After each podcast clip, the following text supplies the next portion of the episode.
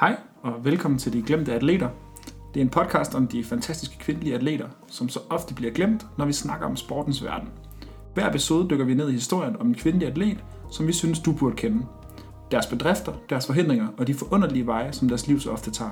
Mit navn det er Jesper, Og jeg er Trine. og vi er dine værter.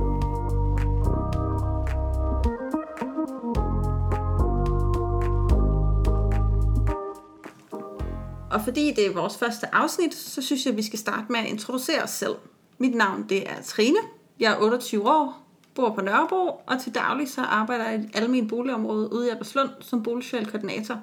Og så er jeg jo din øh, søster. Ja, det er du. Det har du været hele mit liv, fordi vi er tvillinger. Øhm, mit navn det er Jesper, og jeg er også 28 år gammel, og jeg er skolelærer på Nørrebro, så vi bor faktisk ikke så langt fra hinanden. Og så tænkte vi, at vi måske skulle lave noget mere sammen. Yes. Og det vi ligesom har til fælles, det er, at vi er kæmpe sportsfans begge to. Øh, vi har begge to spillet alle mulige forskellige sportsgrene. Og i en tidlig alder, der forelskede jeg mig i amerikansk fodbold. Øh, og det tog ligesom over, og så har jeg været engageret der i 16 år. Øh, men det er det, jeg følger mest herreliga og herresport. Øh, og kender ikke rigtig, har ikke så stor indsigt i, hvad der egentlig sker i kvindesporten. Og det har du så inden for de sidste par år øh, hjulpet mig lidt med, og givet mig lidt større, hvad kan man sige, Bevidsthed. Ja, det må man sige. Jeg er blevet lidt mere woke, hvis man skal sige det sådan. og så derfor så tænkte jeg, at øhm, der var nogle historier, som jeg synes, vi skulle have lidt mere ud.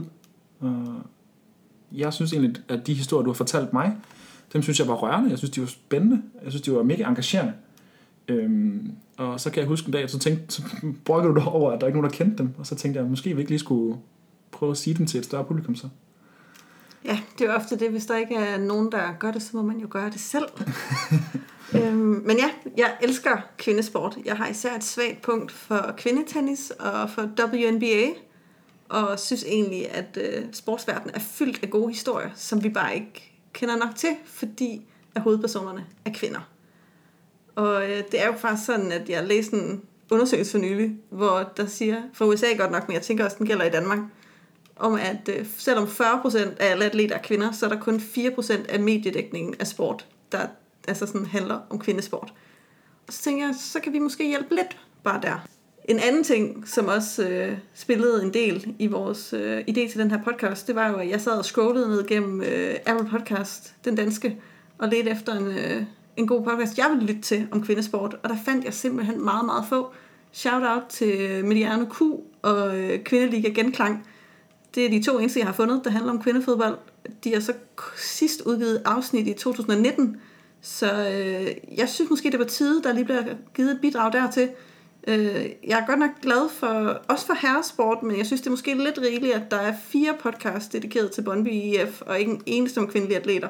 Nu får vi godt nok Brøndby IF-fans på nakken, men ja. Ja, um, jeg kan lige så også sige din Liverpool. Altså sådan, det, Ja, ja, fair. ja, ja, så det er jo ikke kun Brøndby IF. Det, jeg mener bare, altså sådan, vi vil gerne lige give et lille input der. Det synes jeg er fair. Yes. Det synes jeg kun er fair.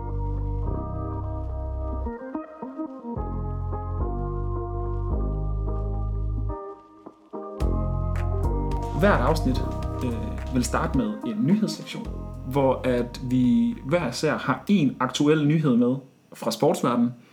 Den nyhed, jeg, som jeg har valgt at tage med i dag, det er sjovt nok for amerikansk fodbold, som er den sport, som jeg følger mest aktivt. Øhm, det, jeg har valgt at kalde den for coronakaos i NFL, fordi at, øh, Ja. det er sådan, at øh, et NFL-hold, Tennessee Titans specifikt, de kan slet ikke stoppe med at teste positivt for covid-19. De øh, har indtil videre seks dage i streg haft positive tests, og de har 20 personer indtil videre, både på staff og spillere, der er blevet testet positivt. Det er jo ikke godt middelstalt. Nej, der har også været lidt snak omkring det her med, hvad det har betydning for ligaen. Fordi det, de har gjort lige nu, det var, at den kamp, de skulle spille her i weekenden, den er blevet aflyst. Øhm, og det er jo, er jo kæmpe betydning, ikke kun for dem selv, men også for det modstanderhold, de skal møde, som var Pittsburgh Steelers. Øhm, de har begge to fået en midlertidig, eller de har begge to fået bye week, som man normalt planlægger med at skulle have senere på øh, programmet. Det har de så fået den her uge, og så får de så ikke nogen pause af programmet indtil øh, slutningen af sæsonen. Så det er jo, altså, det er jo planlagt for lang tid før sæsonen starter, hvornår den bye week den skal være. Så det kommer til at have kæmpe betydning for, hvordan deres holder sig, hvordan deres, øh, de har trænet og alt muligt andet. Det er jo øh, sindssyg... Øh, Jeg sige, det er lidt vildt. Øhm, og det er jo ikke kun Titans, så vidt jeg har hørt. Nej, altså lige nu der er Cam Newton, som er quarterback for Patriots, er også blevet testet positiv. Øhm, men indtil videre, så er der ikke andre for Patriots, der er blevet testet positiv. Så det virker til, at de måske lidt bedre har overholdt de øh, corona-forholdsregler, som ligaen har implementeret for ligesom at prøve at sørge for, at det ikke spreder sig igennem trupperne. Ja. Øhm, hvad hedder det? NFL og NFL Players Association har nu gjort det, at de har øh, lavet en undersøgelse til Titans, fordi de, man må jo øh, nok anerkende, at der har været et eller andet problem siden, at 20 spillere, eller ikke 20 spillere, men 20 ansatte, altså både spillere og øh, staff, der er blevet testet positivt. Der må være et eller andet, der, der ligesom ikke har holdt, som det skulle gøres. Ja, altså jeg, jeg tænkte, det er lidt for uroligende, at vi er nået, kun er nået til week 3, altså uge 3 af sæsonen, og der allerede er et udbrud i forhold til, at de skal igennem 16 spillerunder. Ja, det er, det, altså, der kan ikke ske mange flere ting, før at øh, det begynder at blive meget, meget uoverskueligt, hvordan de skal organisere de forskellige kampe. Ja. Øhm, Tror du, holdene tager det seriøst? jamen, øh, indtil videre, så har... Altså jeg læste, nu, jeg kan bare lige sige for mig selv, jeg læste nyheder om uh, Oakland Raiders, dem vi dem, altid ja, ha- hater lidt på, men den her gang er det jo, virker det til at være velbegrundet. Ja, ja. Det virker til, at de har slækket på øh, de forholdsregler, som man skulle tage, og det har de så også fået en bøde for. Der er også fire trænere indtil videre i NFL, der har, hvad hedder det, der, er- jeg tror fire eller fem trænere, der, er blevet, øh, der har fået bøder på op mod flere millioner danske kroner. Øh, så tror du 250.000 amerikanske dollars, som de har fået en bøde for, for ikke at have deres masker på øh, under kampe. Der er blandt uh, Broncos' head coach, Ja, som jo er vores hold. Vi holder med Broncos, og ja, det var et stolt øjeblik. Øhm, Ja, det er jo ikke godt. Altså, det er jo også sådan lidt altså, symbolsk at vise, at man tager det seriøst. Jeg så i hvert fald selv en nyhed om at spare nogle øh, Raiders-spillere, der er blevet ble- kommet i problemer. ja, ja. I, øh, det var quarterback Derek Carr og Jason Witten, og jeg kan ikke huske, hvem den sidste spiller, der åbenbart havde været til et charity-event, sådan et casino-event, ja. øh, for nylig, hvor de ikke havde masker på, og det var også et ulovligt event, i ja. forhold til, at der var for mange mennesker i forhold til Kaliforniens øh, ja. retningslinjer. Så det kan man jo sige, øh, nogle af holdene skal måske begynde at tage det lidt mere seriøst, før hvis den her sæson skal spilles færdig. Ja, det øh, det er jo det, det, den ultimative øh, konsekvens, hvis man ikke kan, hvis man ikke kan overholde reglerne, og kampene så i sidste ende ikke kan forsvarligt afholdes, så må man jo tage den konsekvens, der hedder, at man må aflyse sæsonen. Fordi at, øh, jamen nu er der en kamp, der er blevet urykket indtil videre, øh, men øh, det kan godt gå hen og blive øh, noget tungere. Er der nyhed om, hvornår øh, Steelers-Titans-kampen skal spilles? Fordi Patriots-kampen med Chiefs blev spillet i nat. Det blev spillet i nat. Den blev rykket en dag. Ja. Hvornår skal de andre spille? Ved man det? Nej, eller jeg, jeg ved det i hvert fald ikke. Øhm, Nej. Øhm, også fordi, at jeg er faktisk ikke sikker på, om Titans og Steelers de har bye week den samme uge, for ellers så rent administrativt, så kan det jo også blive en udfordring. Ja. Øhm, ja, jeg ved det faktisk ikke. Øhm, det eneste, jeg ved, det er, at de stadigvæk ender med at have 16 kampe på sæsonen. Ja. Øhm, så de får ikke lov til at afholde deres egentlige bye week. Det kan blive noget af et puslespil med spilleplanerne, sådan som det fortsætter. Ja, det kan det. Så. Også fordi, at NFL jo lige præcis ikke har valgt at køre en boble. Altså ligesom som de har gjort både øh, WNBA og NBA har gjort, og vellykket jo, er kommet Ja, ja. ja. igennem deres sæsoner indtil videre, uden en positiv test. Det er, det er et valg, de har taget, og det kan godt være, at vi bliver nødt til at høste øh, konsekvenserne deraf, fordi at, øh, hvis det fortsætter, som det gør, har gjort lige den sidste uges tid, så er det for roligt. Ja. Vi, vi krydser fingre for, at øh, alle, der er testet positive, de øh, kommer sig, Ja, og at øh, NFL også kan spille sæsonen færdig. helt sikkert. Ja, så kommer vi jo til min nyhed. Det er simpelthen, at øh, kære Danmarks Pernille Harder, hun har vundet øh, UEFA's Women's Player of the Year for 2019-2020 sæsonen. Og øh, lige give en øh, klapsalve til Pernille. Hun har jo spillet, indtil for nylig spillet for Wolfsburg i Tyskland, og har med dem både vundet det tyske mesterskab og pokalfinalen, så den såkaldte double i år. Hun har scoret 38 mål i 33 kampe. Det er en imponerende scorings... Øh, Ja, det er ret godt klaret. Hun, øh, de kom i Champions League-finalen, hvor de mødte Lyon.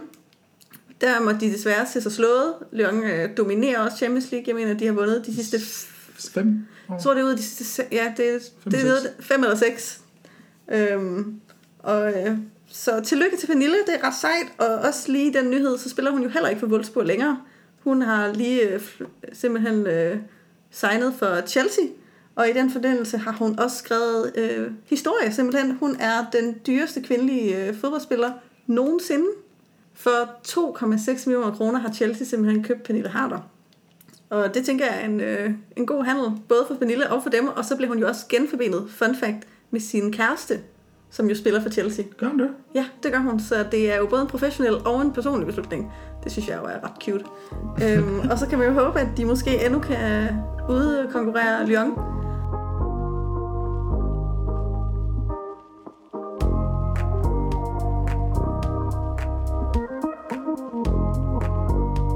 Så er vi nået til den del af dagens afsnit, som vi kalder for Den Gode Historie. Her har Trine udvalgt en kvindelig sportsudøver, som hun mener er specifikt interessant og synes har så god en historie, at hun mener, at den skal flere mennesker kende. Så derfor så synes vi, at vi skal fortælle den historie. Så Trine, take it away. Ja, og i det her afsnit har jeg valgt at fortælle om det danske kvindefodboldlandshold fra 1971, som vandt VM. Har du nogensinde hørt om dem, Jesper? Jeg vidste ikke, vi var VM-vinder fra 1971. Det vidste du ikke? Nej. Nej. Men øh, vi snakker jo rigtig meget om EM i 92. Ja. Det gør vores far i hvert fald. Ja, ja. Øhm, men der er simpelthen, vi, vi har vundet et verdensmesterskab her i Danmark i fodbold. Ja. Øh, det gjorde vi i 1971, og det vil jeg gerne fortælle øh, lidt om. Men allerførst vil jeg gerne lige starte med at sætte scenen omkring kvindefodbolden i Danmark, Ja, og hvordan den simpelthen kom til landet. okay. Til at starte med, så ved du nok godt, at øh, fodbold kom til Danmark fra England. Ja, Det gjorde den i 1880'erne, men øh, dengang der blev det hovedsageligt for mændene. ja, Kvinderne havde ikke rigtig nogen... Altså, kvinderne spillede lidt, men ikke meget. Det blev set som at være usundt for dem generelt. Den fysiske overlast, som deres krop led. Og det var også sådan, at man syntes, at det var upassende. Så der var for eksempel snak om øh, kvinder, der spillede i fældeparken, men de måtte spille meget, meget tidligere om morgenen. Sådan klokken 5 om morgenen skulle de have træning, fordi det skulle være, mens ingen i byen var vågne, fordi ingen skulle se dem. Nå, Så de skulle, og det var også plovpligtigt, at de simpelthen skulle have en vagtpost.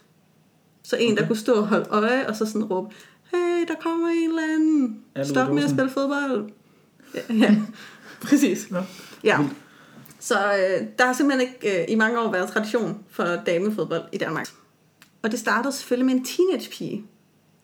Fordi man kan altid regne med teenagepiger. Det var Lene Jørgensen, som var den 13-årige pige fra Slagelse. Og Lene, hun kunne rigtig godt lide at spille fodbold. Og hun spillede også med de lokale drenge på fodboldbanen, men det var sådan, hun måtte ikke deltage i nogen turneringer. Det måtte man simpelthen ikke øh, på det tidspunkt. DBU eksisterede. De har eksisteret siden starten af 1900-tallet, men det var kun for herrefodbold. Så det hun gjorde, det var, at hun simpelthen skrev et øh, brev til den lokale fodboldklub i Slagelse, Slagelse BI, mm. i foråret af 1959. Og der spurgte hun, hvorfor der ikke også pigefodbold på træningsbanerne? Hvorfor må vi ikke være med? Var det ikke lidt tid på at komme i gang? skrev hun. Ja. Og øh, brevet det blev simpelthen taget op på klubbens generalforsamling, der diskuterede det. Det blev ikke rigtig taget seriøst, øhm, og der kom ikke rigtig noget ud af det, men det blev omtalt med en meget kort notits i Slagelse Amtstidene. Og det bliver vigtigt på et senere tidspunkt her. Og øh, selvom der ikke kom noget ud af det, så efter et stykke tid, så fik nogle af herrerne øh, i Slagelse Boldklub, de fik lidt ondt alene. Så de gav hende dog en øh, gæsteplads på det lokale drengehold i en enkelt træningskamp. Okay. Men hun fik ikke lov til at spille mere end det. Storsindet af dem. Storsindet af dem, kan man sige. Hun fik lige lov til at få en enkelt plads, men hun sad ikke deltage i turneringskampe. Nej. Men så skete der noget, fordi udover teenagepiger, så det andet, som man også altid kan regne med, det er selvfølgelig damebladet, Jesper. Uff. Det Ja. Himmelbladet. Ja. For det var sådan, at redaktionen på ugebladet Femina, Jeg skulle faktisk lige til at sige, det kan Yes. Sjovt. Ja. redaktionen på ugebladet Femina, de læste simpelthen den, den her notits i Slagelse Amtstidene. Ja. Øhm, og så øh, der tænkte de, det sgu for dårligt. Så de skrev i den 14. juli i 1959, skrev de et brev til Lene, hvor de bad hende om at kontakte dem. Ja.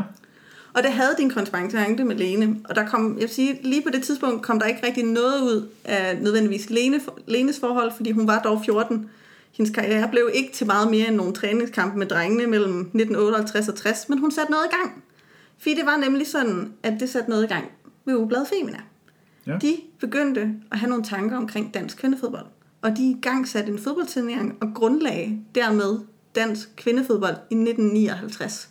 Go Femina. Ja, Så øh, organiseret kvindefodbold er simpelthen startet af en teenagepiges drøm og et dansk kvindeblad.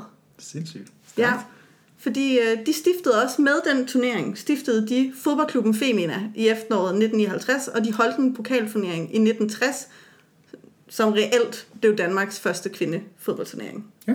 hvor der var præmier. Så det var sådan den organiserede kvindefodbold, den kom til Danmark. Ja. Og så synes jeg også lige, vi skal op og sige, at det er godt nok ikke længe siden. Nej, det er en små 60 år. Ja. Og det, der så skete her, mellem 1971 og 1960, Mm-hmm. det var, at der begyndte at poppe nogle små klubber op rundt omkring i Danmark, og man spillede lidt, men det var ugebladet Femina, som dominerede. Ja. Jeg vil ikke, øh, der er en lille sidehistorie til, at de faktisk også vandt VM for klubber i Okay. 1970 Danmark. Ja. Det er ikke lige så officielt som det her, i og med, at det var kun spillerne for klubholdet, og der var ikke en udtalelse for Nej. hele Danmark. Så den historie må man få en anden dag. Der er fokus på året efter, i 1971. Yes. Men bare ved det, at Danmark var faktisk forgangsland for kvindefodbolden i den tid. Sådan. Yes. For nu går vi så frem til 1971. Og der var en Vilhelm Skovsen, han var DBU-formand. Ja. Og øh, Vilhelm, han var lidt gnaven. Han havde været formand i seks år på det tidspunkt, og han var en reelt ret stor stopklods for kvindefodboldens øh, fremgang i Danmark. Øhm, de havde fået noget moment på det senere tid. Billedbladet havde for eksempel dækket fodboldklubben Feminas udlandsturné, der i forbindelse med VM'et. Ja. Og der var begyndt at komme øh, stigende krav om, at fodboldkvinderne skulle blive en del af DBU. Ja. Men øh, Skovsen, han var ikke sådan at rokke. Det her det er et citat for ham, som jeg gerne lige vil sige. Uanset hvor stor sympatien er for de fodboldbegejstrede damer, er deres anstrengelser i nogen grad noget selv, et noget selvbestaltet show. Vi kan og vil ikke tage det alvorligt i DBU. Og det blev altså sagt i 1970. Et år. Inden vi blev verdensmestre. Ja. Jeg vil så sige, at det kan komme også til at være en del af historien er. Okay, han lyder da som en øh, rimelig forstokket her. Ja, han kunne i hvert fald ikke se fidusen i, i kvindefodbolden på det tidspunkt. Nej. De danske medier, som jeg siger, både, det var ikke kun ugebladet, de danske medier generelt begyndte at dække kvindefodbold mere. BT sportsredaktør på, tid, på det tidspunkt, Børge Munk Jensen, han er også med til at kritisere DBU. Han, der er begyndt at komme nogle data og nogle tal på, at flere og flere begynder at spille fodbold. Men jeg vil så sige den her medieændring. Altså det kan godt være, at de bakker op til sin tid og lægger lidt mere pres på, men der er godt nok også en god del sexisme blandet ind i det. Ja. Det er sådan lidt en dobbeltblanding af med, at øh, ej, kom nu, giv dem en chance, men haha, også prøv at se dem. Det her, det er et mm. citat øh, fra, det er simpelthen fra Ritzau, det her vil jeg gerne lige sige. Altså noget, som vi nu om dage siger sådan Ja. alvorlig journalistik. Øh, der har været ude at dække en udtalelseskamp i 1971, altså det er lige op til VM her, Ja. hvor han skriver, de få fodboldfans og husarer, der i aftes blev lukket til det uhyggelige, åbne, stormsuste, stormsuste stadion i Ballerup, for at få nydelige dameben og også lidt fodbold at se, blev sørgeligt skuffet. Ikke fordi spillet var ringe, men fordi pigerne havde pakket deres ynder godt ind. Nej. Jo, Nej, det er håbløst jo. det, det blev simpelthen skrevet. Øhm, så det er jo det. Det er sådan Og- lidt et- udgivet. Det er udgivet. Nej. Så, så et dejligt sådan backhanded compliment, kan man sige. Nej. Ja. Øh, og det, jeg tænker, det er en rød tråd, du kommer til at opleve gennem hele den her sådan, øh, historie. Det er, Ja. at øh, selv når de bliver hyldet, så, så er det ikke kun for deres fodboldevner. Nej. Og det her VM, som de så spiller frem mod i 1971, Ja. det er jo selvfølgelig et uofficielt VM. Ja. Det er arrangeret af Martini. Så, Altså, altså drik... drik ja, altså, alko- alkoholmærket. Ja. Det er alkoholmærket. Det er nogle simpelthen italienere, ja. som øh, har besluttet sig for at øh, arrangere det her. Men jeg tænker, du kommer til at opleve i løbet af den historie, at det er generelt faktisk italienerne, der er forgangsmænd på meget af det her. Kvinder. Ja, haha. okay, ja, med. Men jeg, jeg har opfattelsen ud for det, jeg har læst, at hovedsageligt er mænd, der har arrangeret det. Åh, oh, okay. Men øh, yes. Sign of the Times, måske. Sign of the times, kan man måske sige, ja. Men øh, de skal simpelthen med til det her VM. Og lidt ala, jeg kan huske jeg selv, da jeg første gang hørte om øh, vores sejr i EM i 92, og så hvor mange der egentlig havde været med til det EM, så tænkte jeg, det var godt nok meget småt i forhold til, hvad vi kender i dag. Ja. Fordi det er det samme her i det her VM, at der er egentlig kun seks hold Ja. med til det her uofficielle VM. Ja. Så øh, der er bestået af en pulje A og en pulje B. I pulje A, der er det Danmark, Italien og Frankrig. Ja. I pulje B er det Mexico, Argentina og England. Og Okay. to hold for hvert pulje kan gå videre til semifinale. Ja. Og der var også lidt snak om, at værtslandet, Mexico, for det skulle foregå i Mexico, havde sat sig i den nemme pulje med Argentina og England. Okay. Fordi det var simpelthen i pulje A, hvor Danmark, Italien og Frankrig skulle kæmpe det ud. Det var, det var stormagterne, eller hvad man siger. Ja, det, det virkede det i hvert fald ud fra det, jeg læste til at være. Okay. Jamen, det er jo bare et smart trick så, fra Mexikos side af. Det kan man sige. Øhm, så går vi til puljespillet. Danmark, de lægger ud med at spille mod Frankrig, og de slår faktisk Frankrig 3-0. Ja. Ret, øh, ret gedint. Ja, det må man sige. øh, overlegnet. Men man skal også sige, Danmark er jo nok en af favoritten, når man tænker på, at de vandt klub-VM året før. Ja. Så står andet slag mod Italien i puljekampen. Og Danmark, øh, de må nøjes med uafgjort. Øh, der står 1-1 med Italien, og det var en meget fysisk kamp, siges det. Der blev reddet hårdt, både i håret af folk og Okay. taget kvaler. Jamen, det er generelt, når du øh, læser de danske kvindefodboldspillers øh, version af det, så er det en ret øh, fysisk øh, det- fodboldkamp, der var spillet dengang. Kvælertag, det lyder mest som slåskampen. Det gør Ja, ja. Men der, der, det er generelt, det lyder voldsomt. Ja. Så, Yes. Danmark går så videre til semifinalen på grund af den uafgjorte. ja, Øh, det er simpelthen, øh, hvad hedder det, det var nok til at komme forbi Frankrig. ja, konference og Italien. For Italien har, øh, Så vi går videre, vi går videre som etter. vi går videre som etter. Stærkt. Yes. Og så skal vi møde Argentina i semifinalen. Ja, For, for den anden pulje er det så Argentina og Mexico, der er gået videre. Okay. Og Mexico er gået videre som etter i den anden pulje, så de skal møde Italien. Ja. Og Danmark, de slår simpelthen øh, Argentina 5-0 i semifinalen. Sådan. Og når man læser beretninger fra danske kvindefodboldspillere, så lyder det ikke som om Argentina er, det bedste fodboldhold på det tidspunkt, vil jeg sige. Okay. Øhm, der er en, for det danske hold, så er Lis Lene Nielsen, hun dominerer simpelthen. Hun okay. scorer hat Ja, og det skal siges, at øh, Lis, hun begynder at spille fodbold samme år. okay. 1971 Er det år, hun starter til fodbold? er det det år, hun starter til fodbold, simpelthen. Og der bliver hun verdensmester. Der bliver hun verdensmester. Solid. Og scorer en hat i semifinalen. Altså, det, det er solidt, det må man sige. Det er, det er ret godt gået. Ja, det må man sige. Øhm, det, der virker til at dominere, det er, at hun er, hun er utrolig høj. Lis. Altså, hun dominerer fysisk. Hun er stærk, og hun er høj. Ja. Øhm, og hun siger faktisk også selv, at øh, hun stiller selv spørgsmålstegn, om hun burde være blevet udtaget til holdet faktisk. Fordi hun mener, at øh, teknisk set, der var hun ret dårlig. Okay.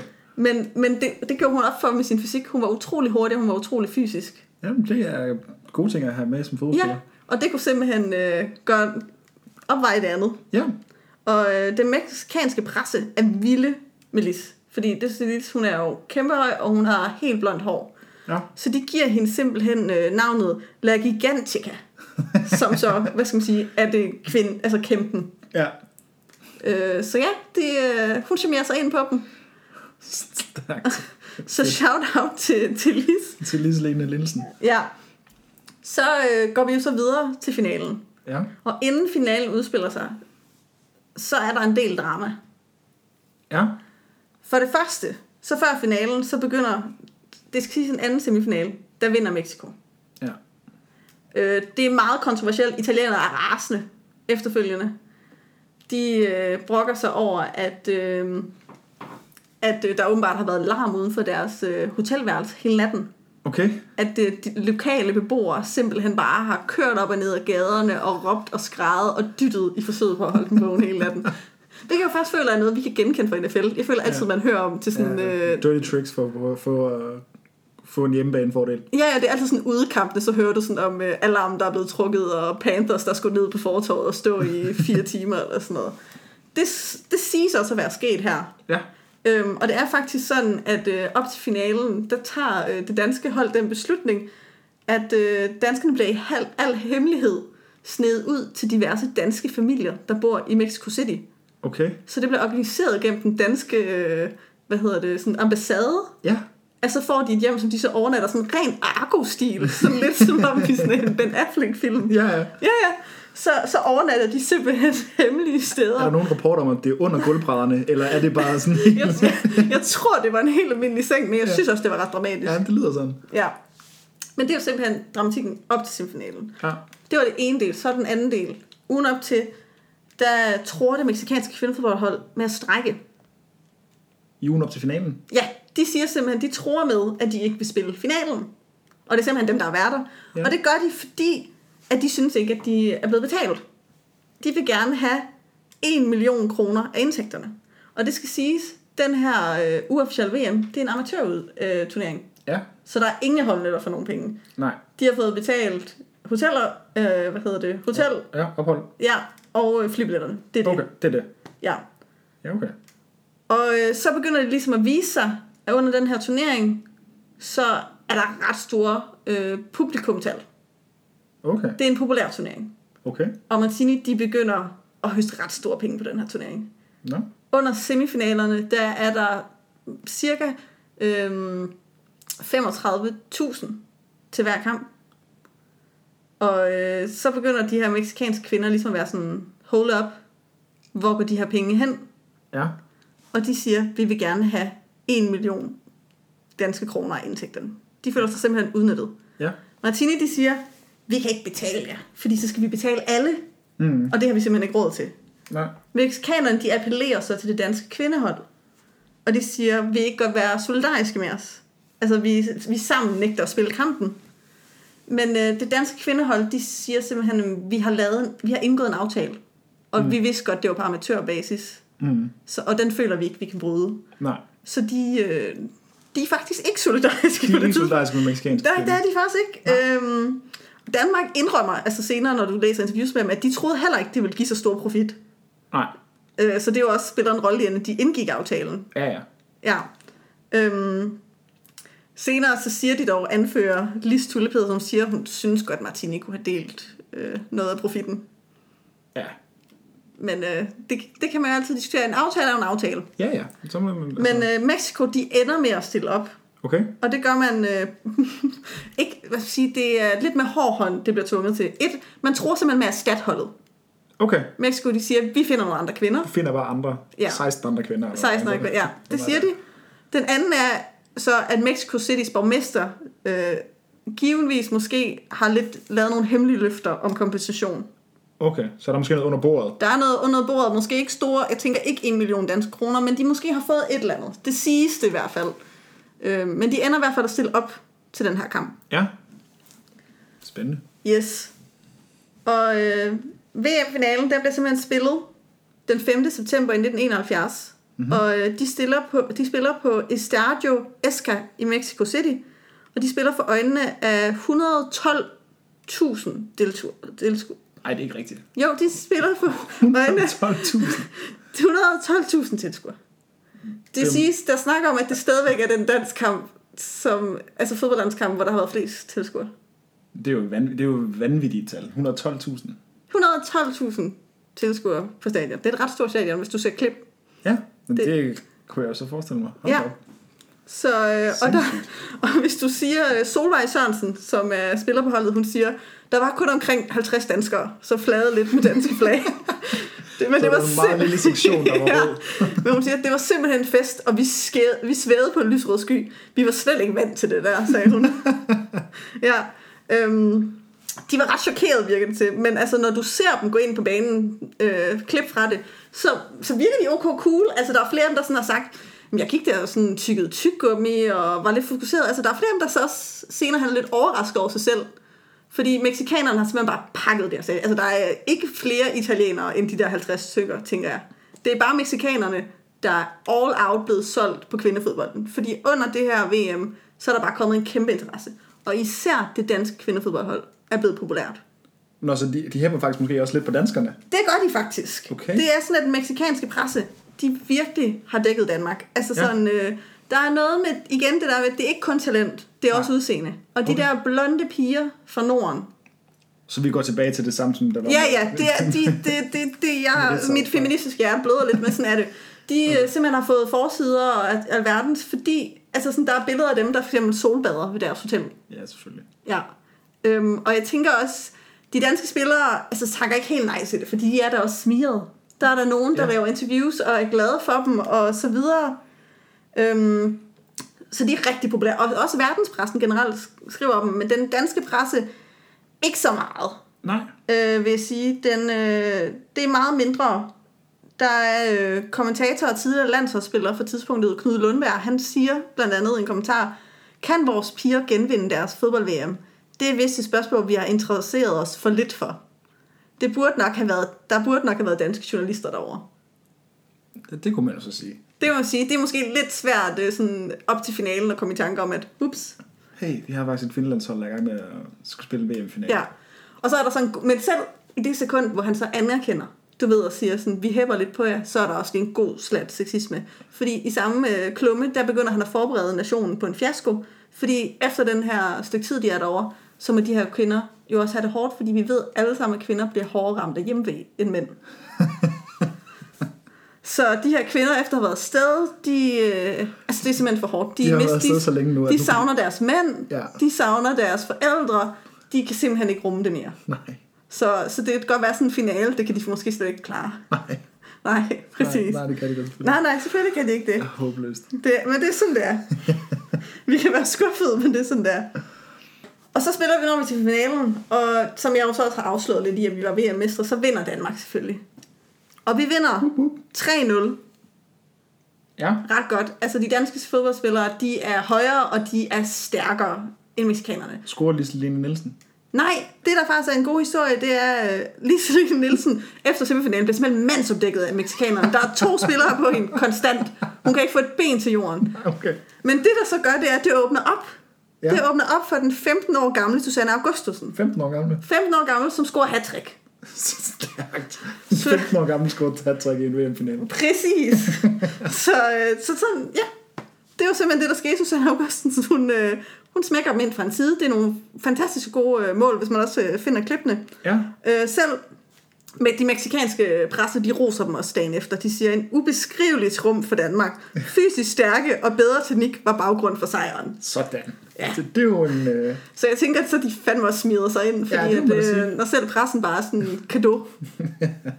ja. Og så, øh, så er de jo vundet finalen, og så går det til turen hjem. ja, De lander i Kastrup, og der er dog presse. Og der er også lidt live-tv. De får pandekager på Københavns Rådhus, og de får en, en tale fra overborgmesteren. Der er dog ingen for DBU, der møder op. nej. Det, det er lidt for meget. Uh, en side note er også, at de mistede deres pokal i alt den her tumult. Der er ingen, der her i 2020 ved, hvor den er. Den er simpelthen væk. Den er simpelthen væk. Ligesom guldhornene. Ja. Det var... Det, ja. Sidst jeg læste, der ved de ikke, hvor den er.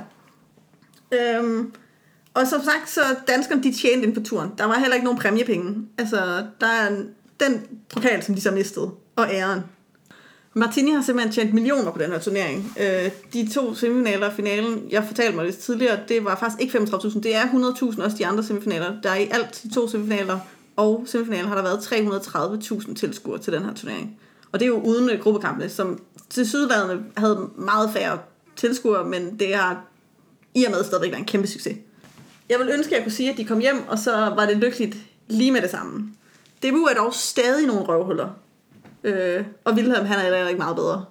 Øh, efter Mexico, der spørger Inger Tulle Pedersen, som er øh, den øh, Den skal anføre. danske anfører, hun spørger DBU's formand jo, om han ikke snart skal ind og se noget kvindefodbold. Og så svarer han, ikke i foråret, min kalender er desværre overtegnet. Ja, det er, det er ikke helt godt, og landstræneren for herrelandsholdet på tidspunkt, han hedder Rudi Stritic, jeg ved ikke, hvad man siger det. Han, øh, der, han siger simpelthen, at deres forsøg på at spille fodbold er al ære og respekt værd, men de lærer det aldrig. Fodbold er ikke for piger, de er slet ikke skabt til det, de kan ikke skabe drama. Okay. Ja, det... øh, Ja, så det er ikke sådan, at man lige med det samme tænker, at vi er Nej. modbevist, desværre. Nej, det må... Og i pressen bliver de fortsat, sådan, som vi nok også selv kan genkende i dag, sammenlignet rigtig meget med mændene. Ja. Øhm, teknisk set, han, Wilhelm han siger, teknisk set rangerer de næppe så højt som et drengehold. Ja.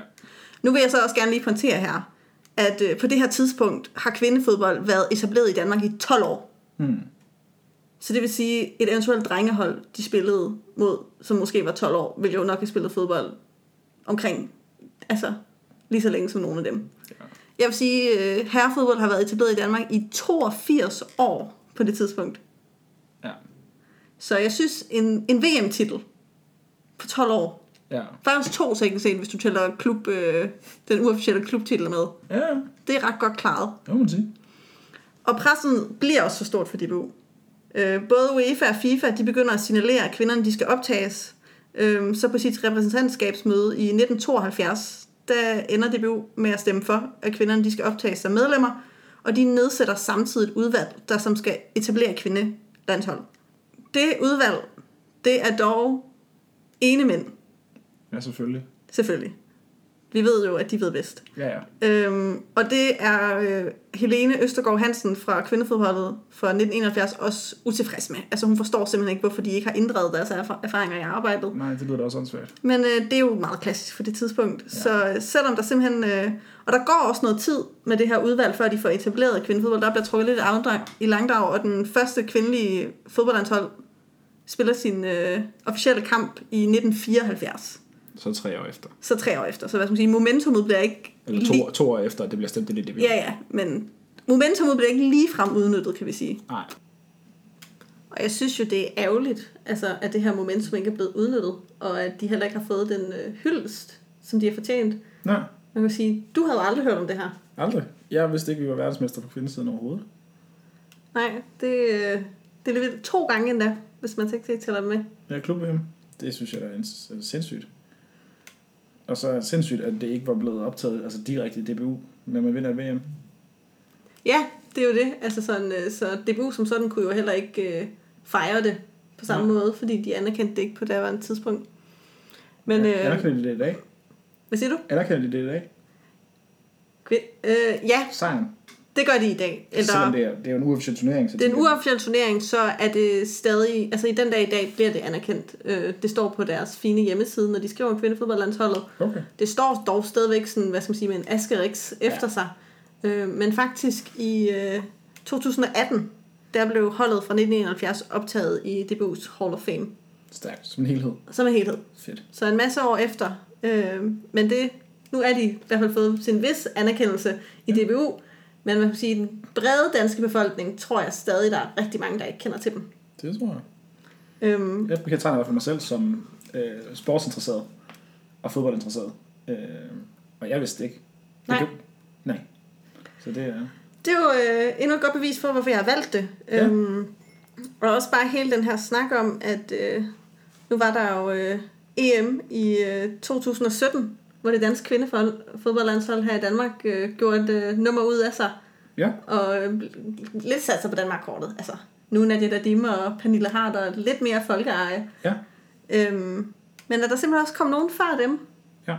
Nogle øh, lidt øh, forkvinder, som jeg også synes, vi skal hylde. Ja. Øhm, og kvindefodbolden har simpelthen kun været etableret i Danmark i 61 år indtil videre. Og ja. vi har haft et øh, kvindefodboldlandshold i 46 år. Det er jo ikke specielt lang tid. Jamen, jeg synes også, det er en skam, at de her kvinder, de ikke er, er nogen, man kender.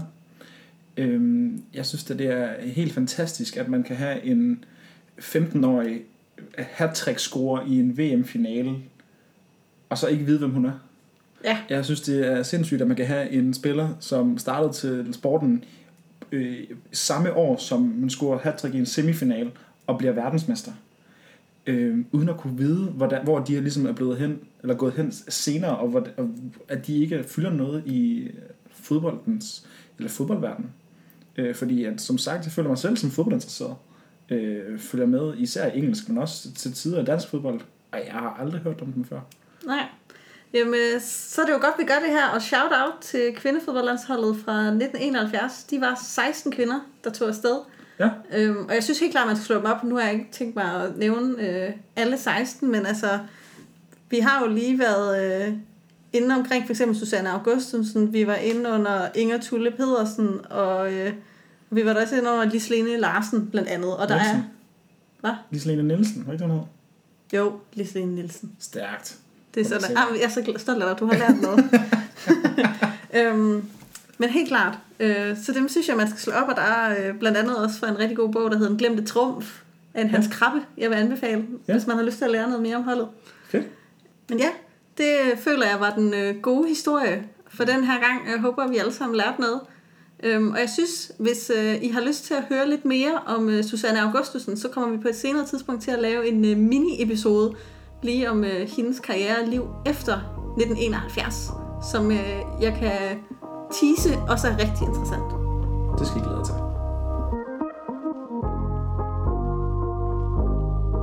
Så er vi kommet dertil i dagens afsnit, hvor vi har hørt den gode historie Og så vil vi gerne lave en lille øh, anbefaling, eller komme med et godt tip til noget, som vi synes har været mega fedt øh, i den seneste tid. Øh, vi har valgt at navngive det for ugen Serena, og det har vi simpelthen gjort, fordi at, øh, jeg tror ikke, jeg øh, træder nogen over tæerne, hvis jeg siger, at Serena det er nok dit største idol og din yndlings kvindelige sportsudøver. Ja, det er meget sandt. Og jeg er nok også af den overbevisning, at øh, Serena er måske en af de største sportsudøvere nogensinde. Øh, Preach. hun er for vild, og det må man jo bare tage hatten af for. Præcis, og det er meget klassisk serena så skal det være noget, man har lyst til at råbe come on over. Præcis.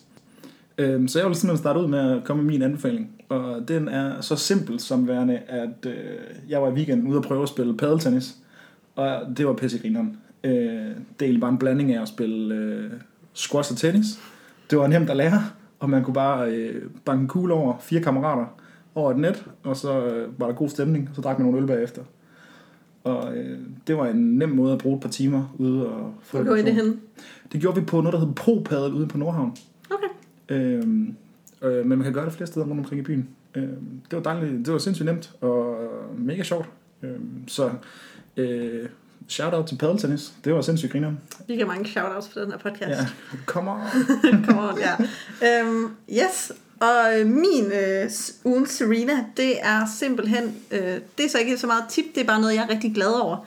Det er, at øh, vi sidder her og indspiller en tirsdag, og i nat, der skal Seattle Storm, mit øh, WNBA-hold, det er altså Women's Basketball National Association, hvis nogen skulle være i tvivl, øh, kvindebasket, de skal spille øh, finale, tredje kamp i finalen. I kvindebasket, der er finalen fest ud af fem kampe, og de fører 2-0.